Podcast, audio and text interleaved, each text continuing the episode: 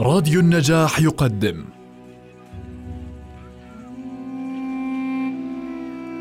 المسلسل الإذاعي صلاح الدين الأيوبي للكاتب وليد سيف والمخرج حاتم علي.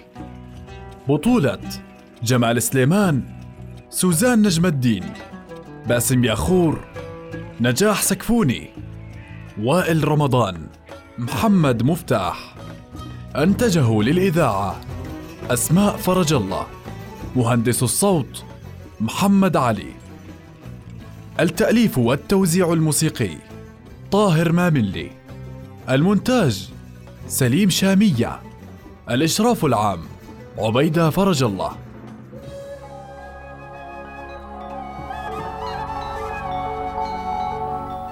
فداك نفسي يا أخي يا أمير المؤمنين. صلاح الدين. أين صلاح الدين؟ لا تجهد نفسك. لا تجهد نفسك يا أخي. أريد أن أراه أخبره بأمري. لم يزورني منذ أيام. يشق على نفسي أن أراه في تلك الحال يا سيدتي. لن يشق عليك أكثر مما يشق علي. فأنا أخته. ولكن قل إنه يشق عليك أن تراه. وقد عزمت على خلعه. أعرف أنك لن تصدقي. والله والله لا ألومك. ولكني أفعل هذا مضطرا. وقلبي يتفطر أسفا. وقد شهدت الفرنجة في مواقع كثيرة. ولم أجد شيئا كهذا. وأن تنوشني الرماح. أهون علي من هذا الحال. والله لا أريد شيئا الآن أكثر من أن أمكث إلى جانب سريره ولكن كيف لي أن أجلس إليه؟ وأخاطبه وأسري عنه وأبدي له غير ما في صدري. هذا ما لا أطيقه. إذا نكتم عنه الخبر. هذا ما أمرت بهاء الدين به. لا يدخل عليه أحد غيرك وغير بهاء الدين. ويجب أن تعلمي يا سيدتي أنني سأرعاك وأهله جميعا كما أرعى أهلي. ليسامحنا الله.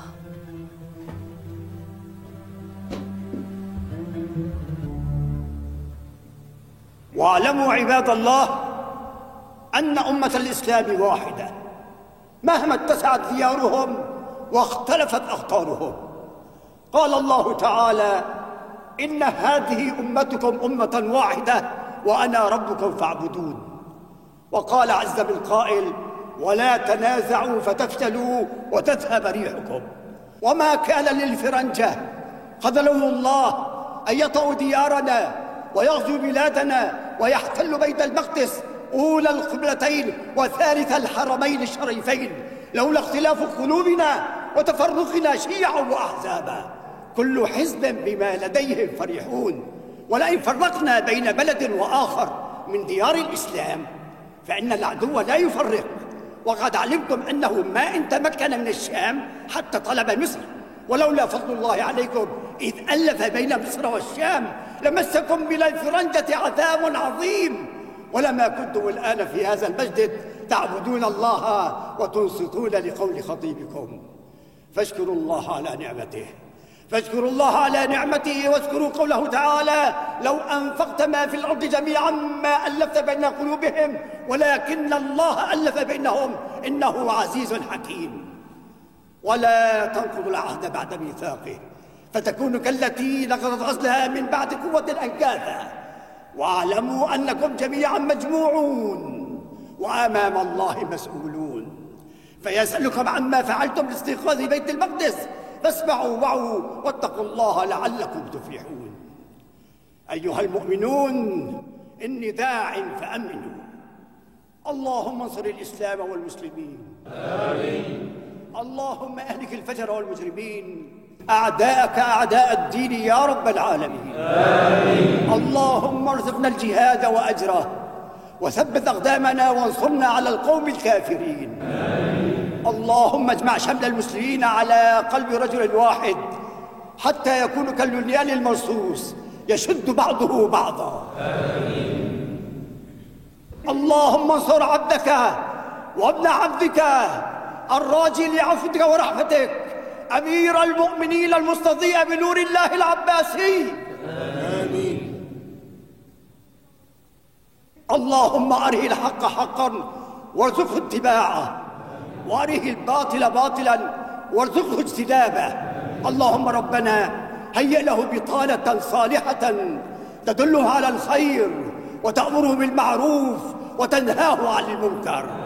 اللهم ربنا لا تزغ قلوبنا بعد إذ هديتنا وقنا عذاب النار. وصل اللهم وسلم وبارك على خير البرية عبدك ونبيك محمد صلى الله عليه وسلم وعلى آله وصحبه الطاهرين الأخيار. وسلم تسليما كثيرا. أقم الصلاة. السلام عليكم ورحمة الله. السلام عليكم ورحمة الله. الحمد لله. لم يأتي صلاح الدين. هل أعلمتموه بأمري؟ سيأتي. سيأتي. لن يأتي. لن يأتي. أعرف. أعرف. هون عليك يا أمير المؤمنين. أمير المؤمنين. لم أعد أمير المؤمنين. أعرف وتعرفين. لا تقل هذا يا أخي؟ لا أخوك وحسب. لهذا امتنع عن زيارتي.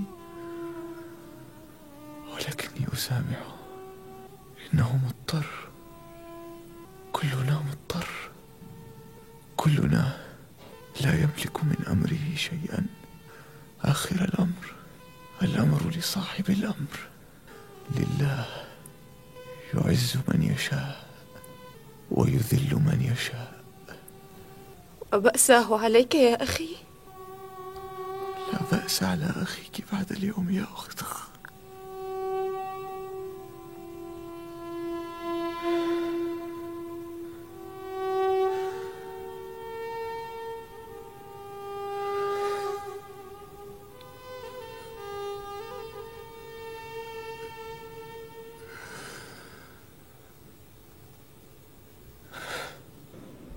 ثلاثة أيام فقط. بعد ثلاثة أيام من قطع الخطبة لا. ليتنا صبرنا. ليتنا صبرنا. هل عرف؟ لم نخبره يا سيدي. ولكنه عرف. عرف على كل حال. كان أذكى من أن تفوته إشارة عابرة. رحمه الله. ترى هل عجل ذلك في وفاته؟ هل أسهمنا في تقريب أجله؟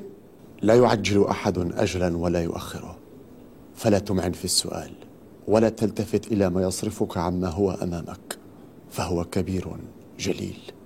ولكن نعلن الحداد ونضرب السرادق ونتقبل فيه التعازي ثلاثة أيام. بسم الله الرحمن الرحيم.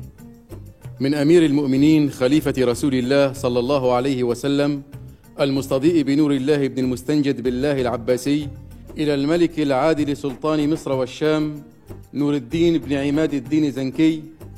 أما بعد فنستفتح بحمد الله وشكره على موفور نعمته وسابغ فضله ومنته.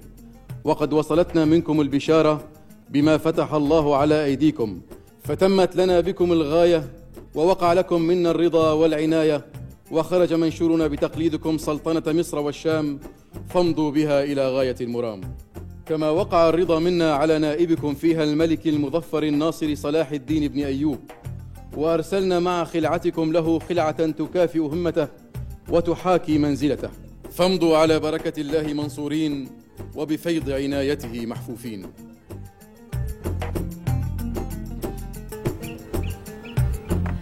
أهلا أهلا أهلا بسلطان مصر والشام.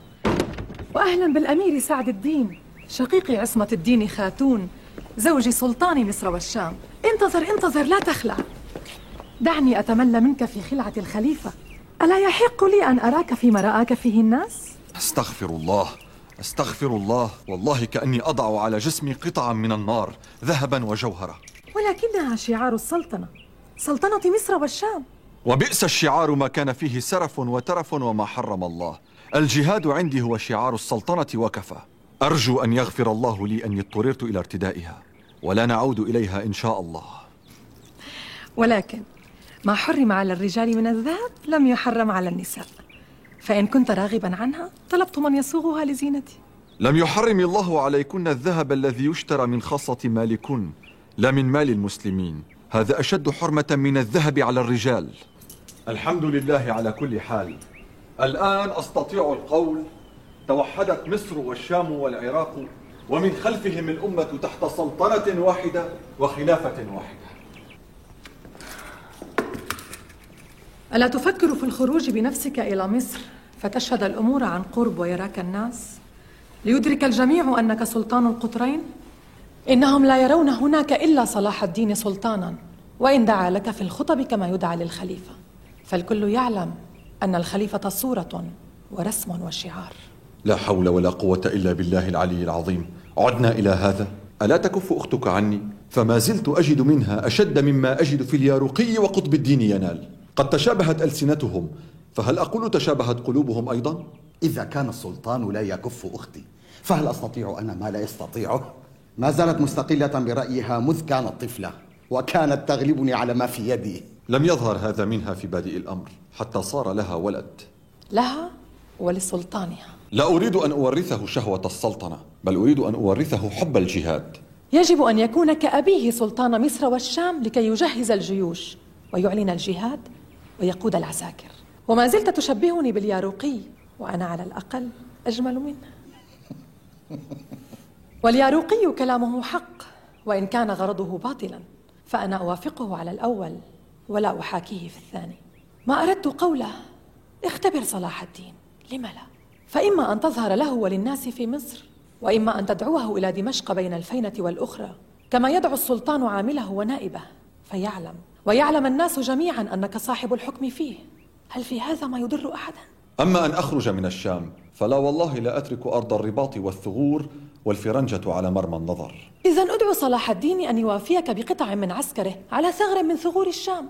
أفلم تكن الغاية من توحيد مصر والشام أن نستقوي بعدد مصر وعدتها في قتال الفرنجة؟ ما أقدر النساء على أن يحولن مناسبات الفرح إلى جو من الغم والهم. والله ما كنت لتغتم لكلامي لولا أنك ترى فيه حقا تدافعه. لقد علم الله تعالى أني لا أحب أن أوغر صدرك. أو أفسد نفسك على صلاح الدين وأني أخشى الله في ذلك إذ لم يظهر منه ما نكرة حتى الآن. ولكن الحيطة تمنع من الداء وتغني عن الدواء واليقين يسد طرق الريبة وذرائع الشك. وفي ذلك كله حفظ لسلطان نور الدين ولنائبه صلاح الدين. فلا ينفذ إليكما بعد إذن رجل كالياروقي وأمثاله. وتلك إذا وقعت فهي المفسدة التي تضر بالمسلمين. وبغاية الجهاد. أفبعد هذا تشك في غرضي؟ لا أحب أن أقر لها بهذا يا سيدي فلطالما دافعت حججها حين كنا صغارا ولكني لا أرى الآن سوءا في رأيها. إذا لم يتغير فيك شيء فهو قوة الحجة وسداد المنطق. تتغير المعادن كلها يا مولاي إلا الذهب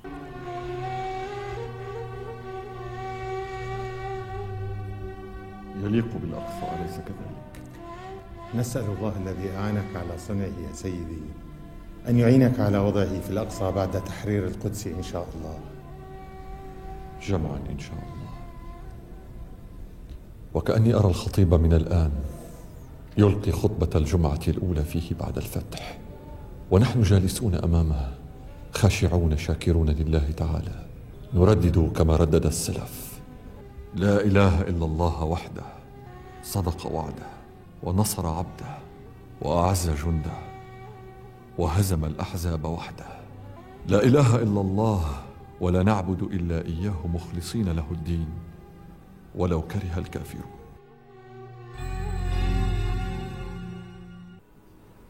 من فعل بك هذا؟ من فعل به هذا؟ كان يلعب مع الصبيان و... هل عهدت به إليكم للدراسة والرعاية أو لهذا الصبيان؟ ليس من الممكن أن نراتب الصبيان كل الوقت يا صاحب الجلال. انظر إلى ما فعلوا به.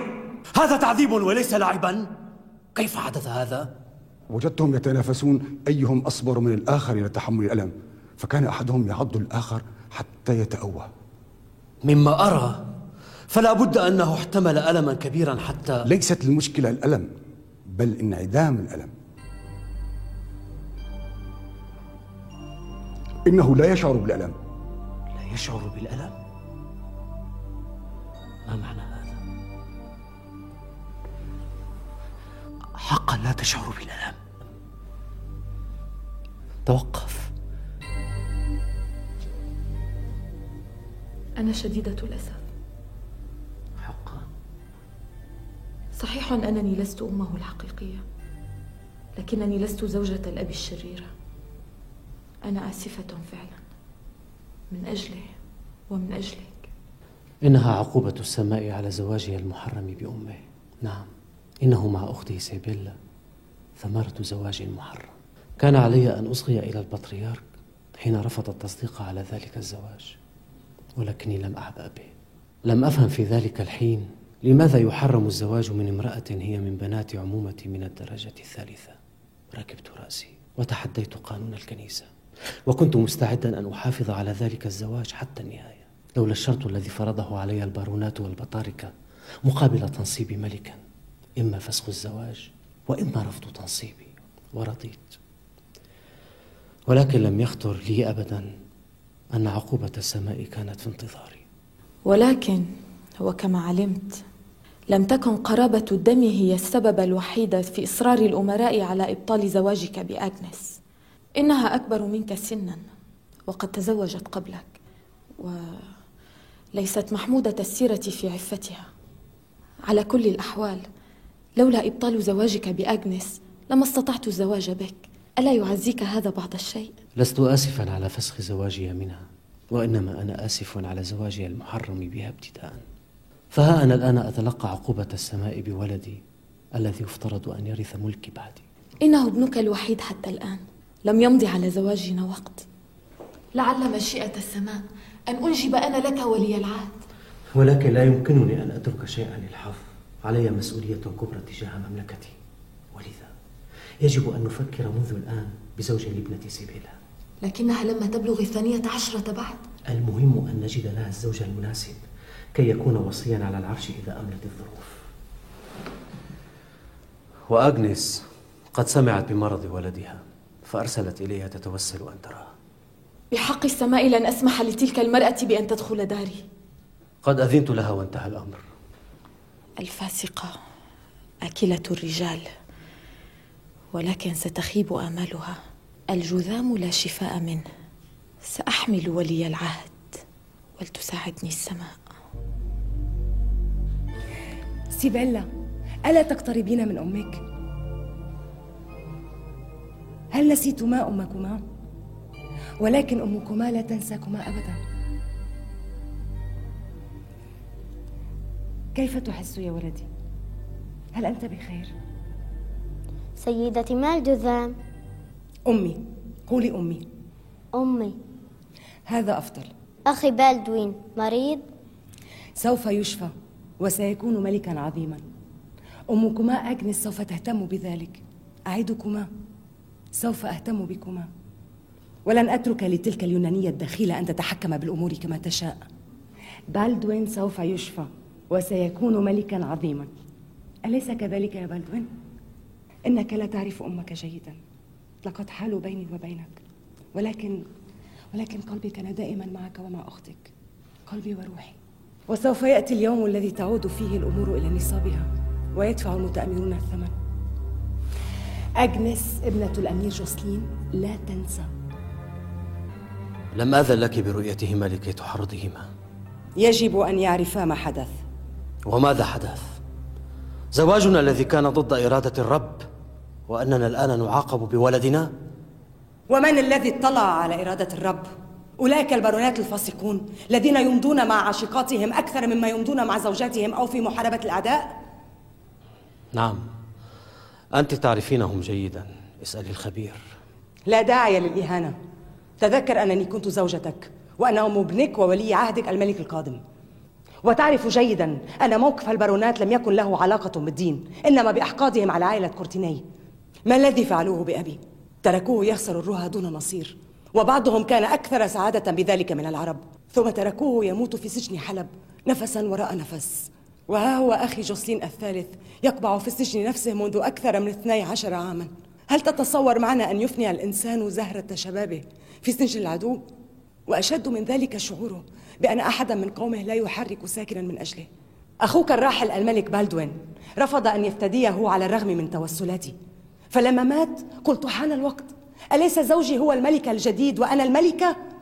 ولكن لا البارونات لهم رأي آخر حرموني من زوجي وولدي وتاج المملكة وحالوا دون افتداء أخي المسكين. ثمانون ألف دينار كنا وما زلنا أحوج إليها لمواجهة الأعداء. أرى أنكم لم تصنعوا بها وبأضعافها كثيرا في مواجهتهم. خسرتم كل حروبكم في مصر وخسرتم ما خسرتم في الشام. فلا نلتم مصر ولا استبقيتم على كل أراضيكم في الشام. والآن وقد غدت مصر والشام مملكة واحدة فإنكم تحتاجون إلى أكثر من المال لكي تحفظوا هذا المكان الذي نحن فيه. أم تراك تستنجد من جديد بصهرك العظيم الإمبراطور عمانوئيل؟ لكي يفعل بك جيشه المظفر ما فعله في دمياط. ما الذي استفدته من الزواج بتلك اليونانية؟ تلك اليونانية هي زوجتي الآن الملكة ماريا كومنينا. وينبغي عليك أن تظهري لها الاحترام الكامل إذا شئت أن تزوري ولدينا مرة أخرى. الملكة ماريا كومنينا. سوف يحكم ولدي وسنرى عندئذ من هي الملكة حقا. وكان الفرنجة قد أخذوا حصن الشوبك فصاروا يعترضون منه قوافل التجار بين مصر والشام. فخرج صلاح الدين بأمر من نور الدين من مصر إليه وضرب عليه الحصار. وكانت أول غزوة له خارج مصر بعد أن ملكها. فما لبث حتى جاءته الأخبار باضطراب الأمور في صعيد مصر وأن أخاه توران شاه قد نهض إليها ثم أرسل إليه نور الدين بأن يمكث في الشوبك حتى يوافيه عندها بجنده. ولكن صلاح الدين رفع الحصار وقفل راجعا إلى مصر وأرسل إلى نور الدين يعتذر باختلال الأوضاع وحاجة أخيه في الصعيد إلى عونه قد ملك ابن أيوب أمره بالمكوث في الشوبك فيعتذر باختلال الصعيد. والله ما رجع إلا لأنه كره لقاءك وقد علم أنك إن لقيته صرت المتحكم فيه. إن شئت أبقيته وإن شئت عزلته. ألا والله قد حذرنا من هذا فاتهمت نوايانا. نعم قد ساءنا أن يتقدم علينا في الوزارة ونحن أكبر منه سنا وأقدم في خدمة مولانا. لا أنكر ذلك. ولكن هذا لا يجعل قولنا فيه باطلا. والآن كما ترون يأتيه أمر مولانا فينصرف عنه بذلك العذر. وقريبا تصل منه الهدايا والأموال ليستل غضب مولانا. والله ما طلبنا مصر لهذا فهو يعلم أن ما أنفنا الذهب في ملك مصر وبنا فقر إلى الذهب. ولكنه يعلم أن ثغور الشام مفتقرة إلى أعداد الجيوش ومصر كثيرة العدد. فالتعاقد بيننا هو على الإمداد بالعساكر. هذا ما نريده من مصر بالمقام الأول. أما الحرب فهي هنا في أرض الشام. وقد صارت عدة جيشه هناك كعدة جيش الشام وربما زاد غدا. فإن لم يكن أمر ذلك الجيش لمولانا فهو إذا لصلاح الدين. فيصير به ندا ويمتنع به عن أمر السلطان. وإلا كيف استطاع يفتح برقة والمغرب الأدنى ويضمهما إلى سلطان مصر؟ يا سبحان الله أيتهم بهذا؟ أليس هذا قوة لمصر ثم لنا جميعا؟ هذا لو كنا مطمئنين إلى أنه لن يستقل بمصر عن ملك مولانا أما وقد رأينا فيه خلاف ذلك فإن اتساع دولته يغريه بالاستقلال في مصر والدليل على ذلك أنه بادر إلى فتح المغرب الأدنى دون أن يستأذن مولانا فمن صاحب الأمر في مصر؟ سيسمع مني كلاما شديدا وربما خرجت بنفسي إلى مصر فإن رأيت منه شرا عزلته وأخرجته.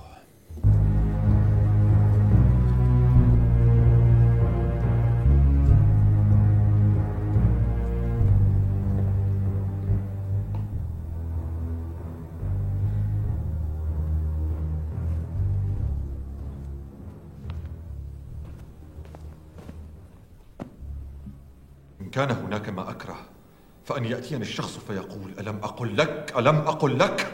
فكف عني يا عصمة الدين. لم آت لأقول هذا. إذا أنا أقول كنت أدفع كلام اليارقي في نفسي وأقول صاحب غرض ولست بالملك الذي يغيره الرجال على الرجال.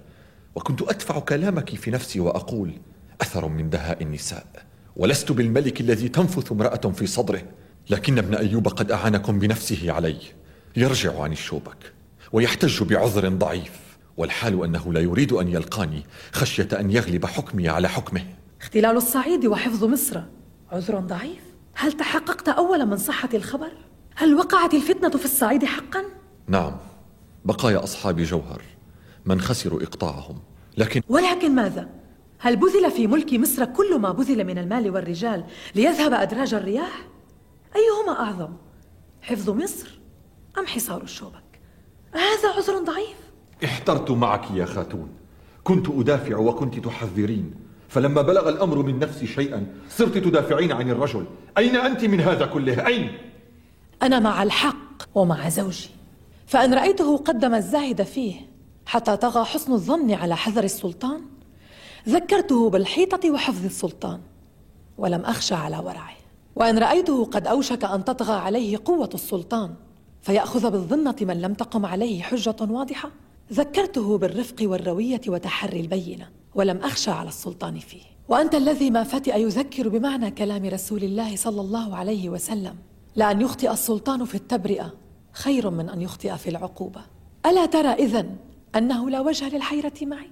إلا أنه أهون على المرء أن يرى الأمور على وجه واحد قاطع وجامع مانع فإما الليل وإما النهار. إما عدو خالص العداوة وإما صديق خالص الولاء وليست الحياة كذلك. أستغفر الله العظيم. أستغفر الله. لا كلامك ولا كلام اليارقي هو الذي غير نفسي ولكنها نفسي تغالب نفسي. هواجس الصدر والضعف الذي يخالط البشر جميعا إلا أنهم فيه درجات. فبعضهم تظهر فيه عند أدنى اختبار وبعضهم أستغفر الآن أدرك وتدركين أني لست الزاهد الذي أردت أن أكون ولا الصحابي الذي أردت أن أحتذي مثاله. فوالله ما أخشى تغير صلاح الدين أكثر ما أخشى تغير نفسي. الآن أدرك لماذا سمي الجهاد الأكبر. لا تشتد على نفسك يا محمود. وهل بلغ الصحابة ما بلغوا إلا بمجاهدة النفس؟ وأي معنى لمجاهدة النفس؟ إن لم يكن فيها من نوازع البشر ما يستدعي المجاهدة؟ وكيف يدعي الصبر من لا يلقى من المكاره ما يصبر عليه؟ وكيف يدعي الزهد من لم يعط ما يزهد به؟ طيب خاطرك إذن فوالله ما فارقت نهج الصحابة لم أقل هذا لك منذ زمن يا عصمة الدين والله ما يعدل جمال وجهك إلا جمال عقلك وإنك لتزنين به مئة رجل. متع الله الأمير بأيامه. ولكن لماذا إذا مدحت المرأة وزنت بالرجال؟ وكأن أصل الخير فيهم. وكأنها إذا أحسنت خرجت من طبيعتها لتحاكي طبيعة الرجل. هل سمعت أحدا يوما يمدح رجلا فيقول لقد فات عقل النساء؟ ولكن إذا ذم قيل انظر إليه كالنساء. فأنتم معيار المدح ونحن معيار الذم. والله إنك عندي بمئة امرأة. وأنت عندي بكل الرجال.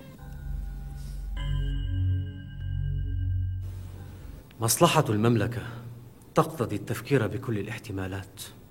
أعراض الجذام بدأت تظهر بوضوح على ولدي وهو لما يبلغ الثانية عشرة بعد. ولا ندري ما الذي سيفضي إليه مرضه. وابنتي سيبيلا لم تبلغ الرابعة عشرة. وإن كنت أبحث لها من الآن عن زوج مناسب. والملكة ماريا أنجبت لي الآن إيزابيلا. وأخشى إذا طلبني الرب في وقت قريب أن تقع مشكلة في الحكم. وهذا ما لا نستطيع أن نجازف فيه ولا سيما بعد أن توحدت مصر والشام. الموقف شديد الحرج كلكم يتفهم ذلك.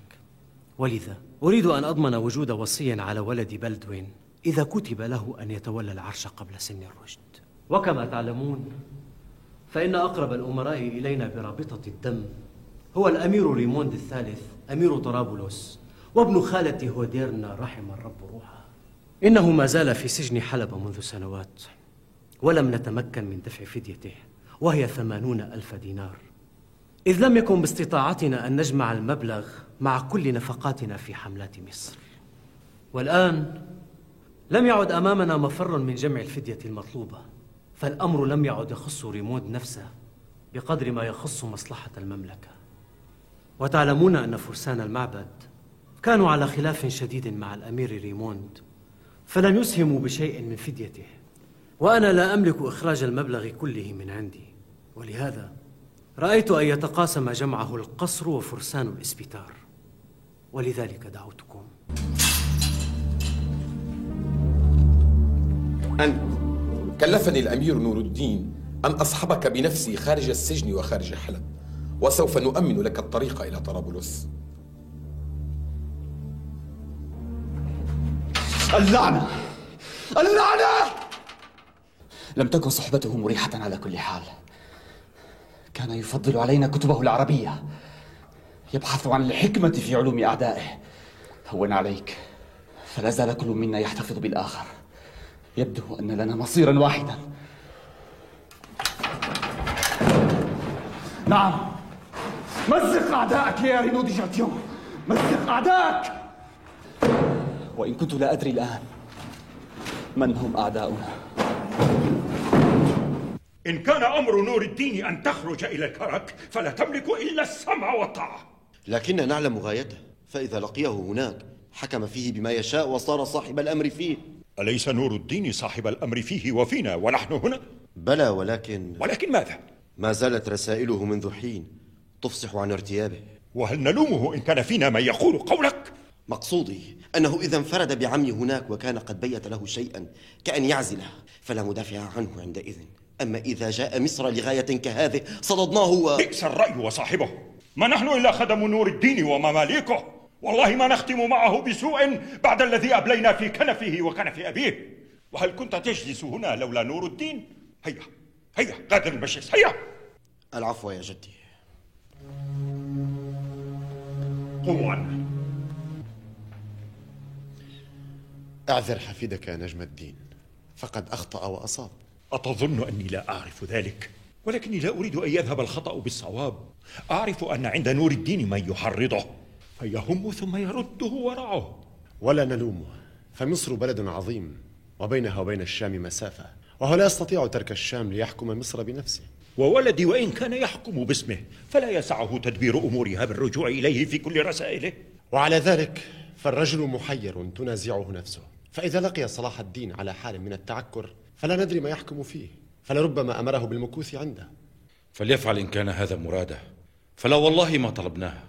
لو كان في هذا خير المسلمين فقد رضي الناس بك هنا واستقر أمرهم عليك وهم يرونك سلطانهم سلطان مصر لا واليا لغيرك.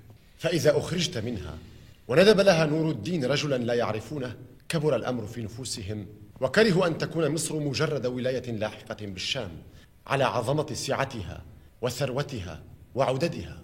وإنما رضوا أن تتوحد مع الشام وحدة الأكفاء وهذا غير الإلحاق والإتباع. ونحن حديثو عهد بهذه الوحدة. نريد أن نثبت أركانها ونرسخ بنيانها وهذا لا يكون بين الملوك حتى ترضاه الرعية وتطمئن إليه وتؤيده فتحفظه لأن فيه حفظها. أيها المرء